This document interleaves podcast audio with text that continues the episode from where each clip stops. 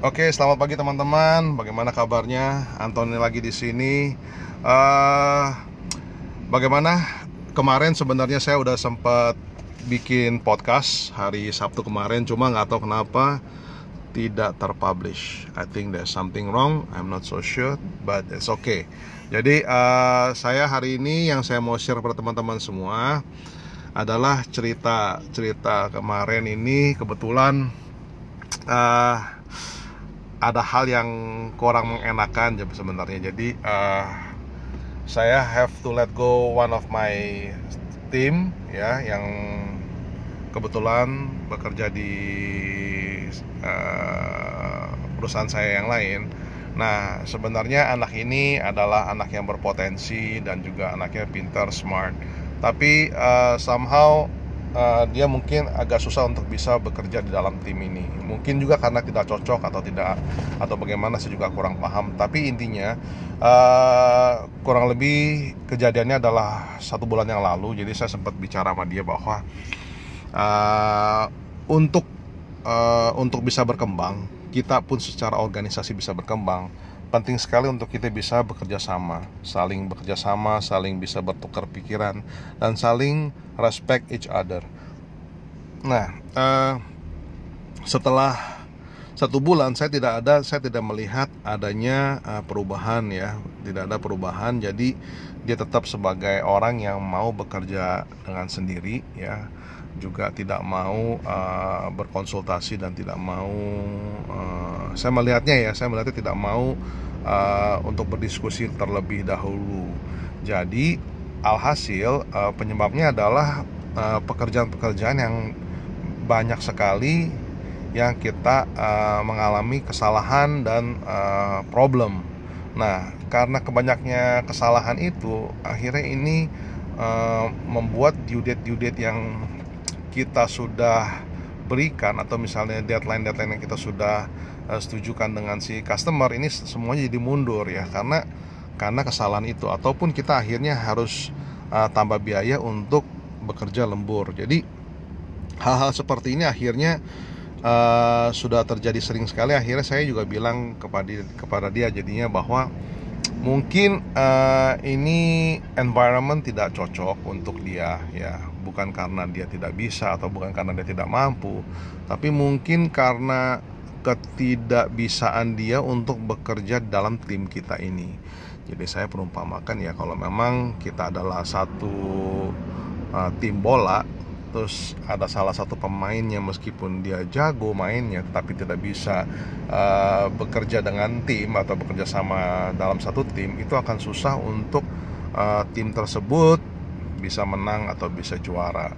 Jadi akhirnya well uh, I have to make the decision bahwa I have to let him go.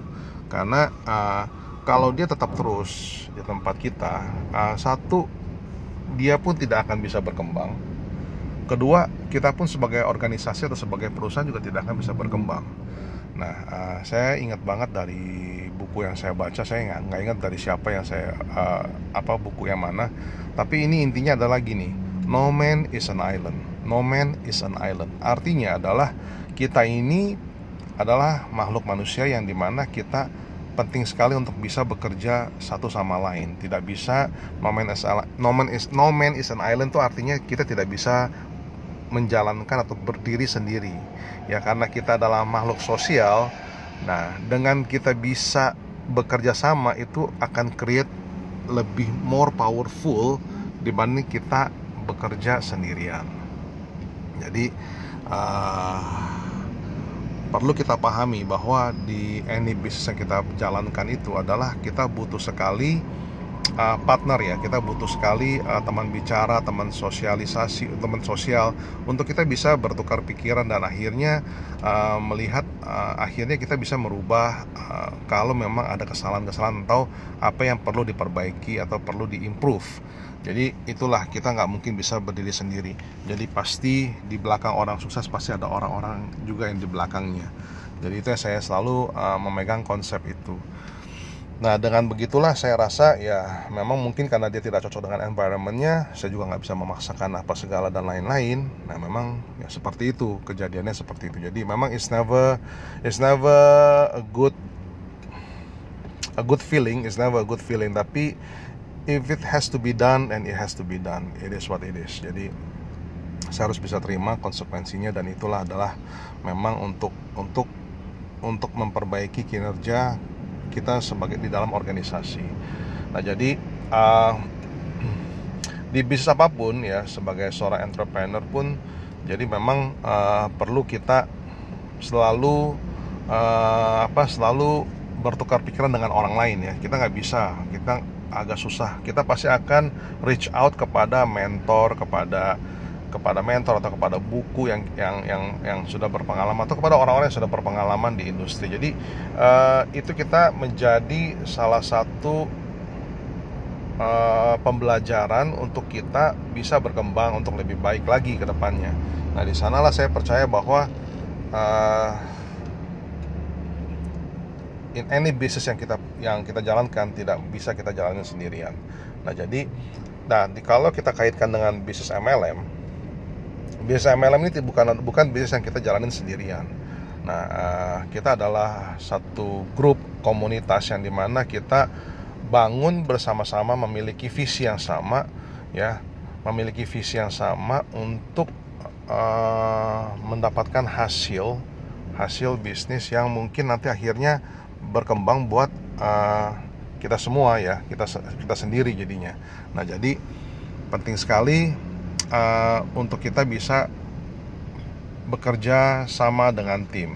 Nah, di di MLM ini di bisnis multi level. Nah, di sini kita diberikan kesempatan untuk bisa membangun sebuah komunitas di mana kita saling bisa bertukar pikiran, kita mencari uh, solusi dari setiap masalah. Jadi uh, dan komunitas itu uh, secara secara ya secara nggak langsung bahwa itu akan pasti terbentuk ya di dalam satu karena ya bisnis MLM ya seperti itu eh, dia punya dia punya hmm, habitatnya kalau kita bilang ya dia memang memang seperti itu dibangun dari sebuah komunitas. Nah kalau kita sebagai uh, pengusaha konvensional Nah, sama juga kita akan pasti butuh komunitas atau kita butuh mentor atau kita butuh coach untuk kita bisa mengembangkan usaha kita. Nah, di memang akhir tapi memang kan kalau di bisnis konvensional itu kalau kita mau uh, minta atau mau hire coach itu kan butuh biaya ya. Berarti kita butuh biaya untuk kita uh, meng-hire coach untuk bisa membangun usaha kita. Nah tapi kalau misalnya di MLM kita sudah memiliki coach adalah coach ini adalah orang-orang yang sudah menjalankan bisnis ini sebelumnya dan sudah berpengalaman dan uh, coach ini enaknya adalah uh, coach ini gratis gitu loh. Karena mereka adalah upline upline kita.